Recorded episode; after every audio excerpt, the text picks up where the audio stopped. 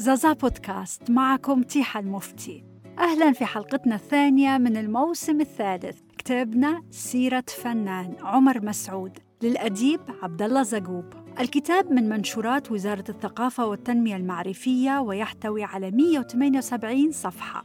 كتب التقديم الأستاذ الفاضل الصيد الرقيعي الذي يقول إن الفنان ليس صوتاً واحداً أو عزفاً منفرداً. إنما بؤرة اجتمعت فيها وتقاطعت العديد من الأفكار والمؤثرات التي يسخر بها محيطه.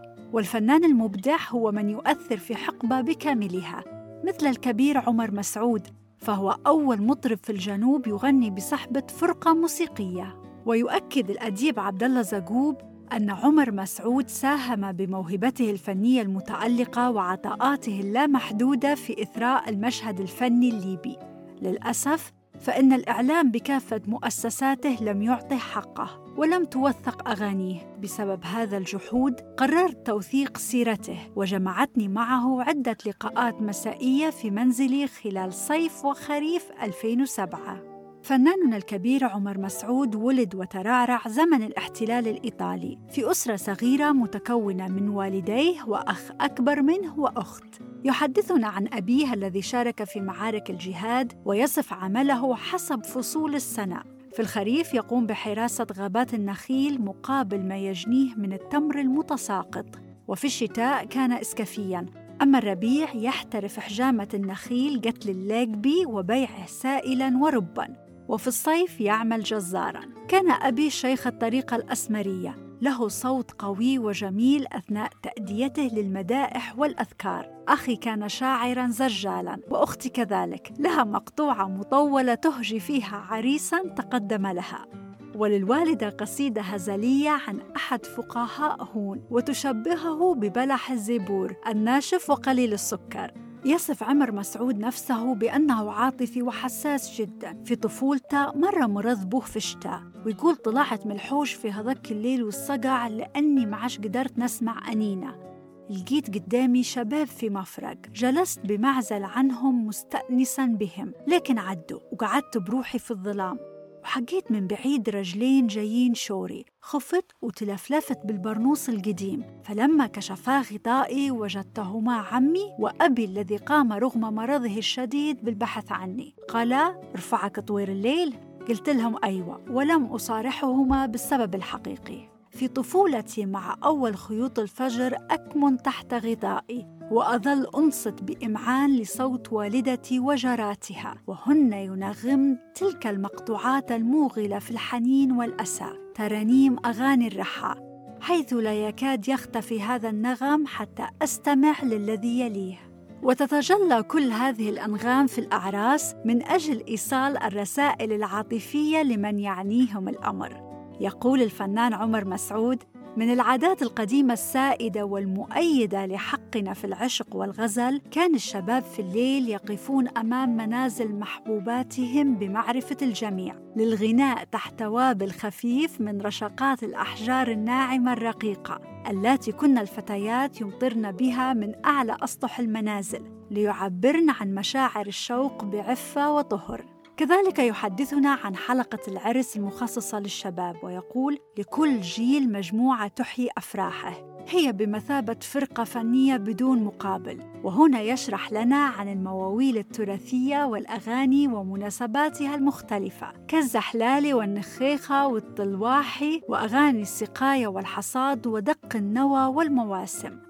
كل هذه الأنغام لها تأثيرها في تكوين الفني إضافة إلى الموهبة الذاتية وتشجيع الأهل وعدم ممانعة المحيط الاجتماعي. سنة 1939 أتى صديق العائلة باسطوانة جرامافون. كانت هذه أول مرة أستمع فيها لأغنية مسجلة. بعدها معش سمعت حاجة لعند سنة 48 عندما امتلك نادي هون راديو كبير لكن ما كانش في كهرباء في المنطقة. وبيش يولعوه يستنوا لما جن السيارات النقل الضخمة اللي هن trentaquattro لآل عبد الله ويستعملوا بطارياتهم بيش يولعوا الراديو. فتتجمع الناس في الساحة لسماع الأخبار والأغاني.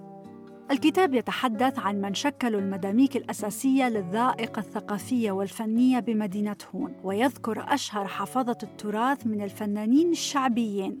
في جزئية يتطرق الكتاب إلى مراحل تعليم الفنان عمر مسعود. حيث دخل المدرسة الابتدائية سنة 1946 وساهم انضمامه لمجموعة الأناشيد بتنمية موهبته ثم أكمل تعليمه بمعهد المعلمين بطرابلس ولم يتخرج منه نظراً لضيق الحال وكبر سن والده.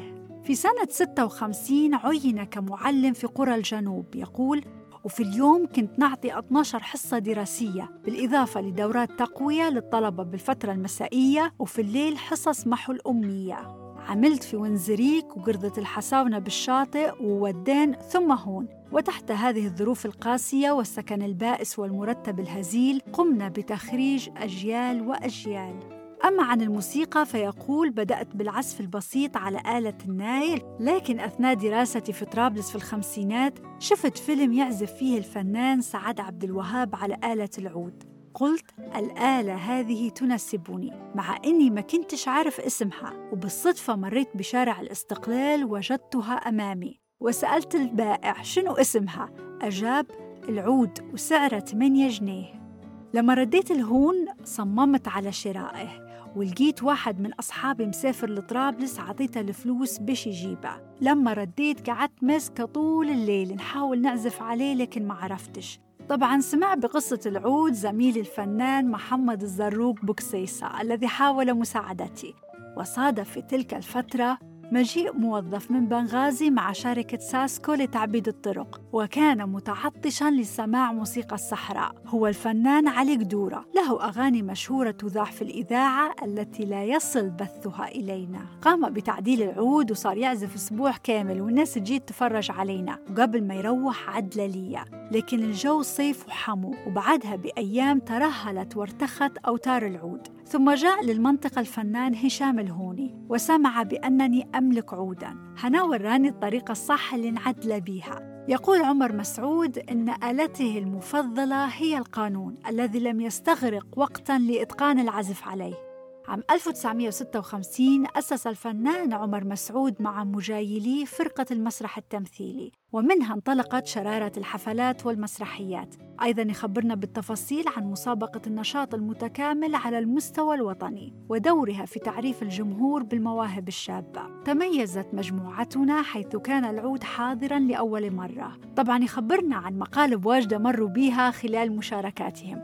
وفي سنة 87 تحصلوا على الترتيب الأول على مستوى ليبيا بالنسبة للنشاط الموسيقي. وعلى الرغم من ندرة التغطيات الإعلامية إلا أن حفلاتنا تستمر حتى أوقات متأخرة كما أن الحضور الكثيف دليل على نجاح ما قدمناه في ليبيا ومالطا وبولندا ويقول بعض المواقف تبقى بالذاكرة وشما لا يمكن نسيانه. بالمهرجان الأول للفنون الشعبية في بنغازي عام 73 شاركت فيه فرقة هون بفقرات تراثية عندما صعدنا على المسرح التف أعضاء الفرقة حول الطبل على شكل دائرة كعاداتنا في أفراحنا دون أن نلقي بالا للجمهور. هنا علت الأصوات هاتفة بسخرية. ما معناه هذوما جايين ياكلوا؟ كان كلامهم صح رجالة بيناتهم قصعة حينها شعرنا بالحرج وانسحبنا ولم نعد إلا في اليوم التالي. وتعليقا على محدودية الشهرة والانتشار يقول الفنان عمر مسعود أن عدم تسجيل الأغاني وتوثيقها للإذاعة أو عبر أشرطة مسموعة كان تقصيرا مشتركا بيني وبين إدارة النادي. لم نعتني بأنفسنا. ولم يعتني بنا أحد فضاعت أعمالنا. وهذه دعوة مني إلى الاهتمام بعملية التوثيق والأرشفة وأن لا تترك الأمور إلى العشوائية والارتجال. أعماله الفنية متضمنة كافة الألوان كما كتب الشعر المحكي والشعبي والقصيدة الفصحى. وفي منتصف الستينات قام بتأليف وتلحين رحلة غنائية في ربوع ليبيا. ليس ثمة أحد يكره التفوق، خاصة عندما يكون جادا ومجتهدا، أما إذا لم تسمح الظروف بذلك فالرضا والقناعة أولى. اليوم أعتبر ما قدمته هدية وهبة لمدينتي، وأتمنى أن يؤدي أعمالي الغنائية صوت رخيم قوي جميل، رجالي كان أم نسائي. بالختام يقول الفنان الكبير عمر مسعود: أنادي بضرورة الاهتمام بالفرق الفنية على المستوى الوطني، بتوفير الدعم المادي والمعنوي لها ولا أقف حائلا أمام أي أحد يرغب في الانتفاع من ماضي الفني وخاصة الأجيال الشابة التواقة إلى الغد. شكرا للاستماع ولقاؤنا يتجدد. تحياتي.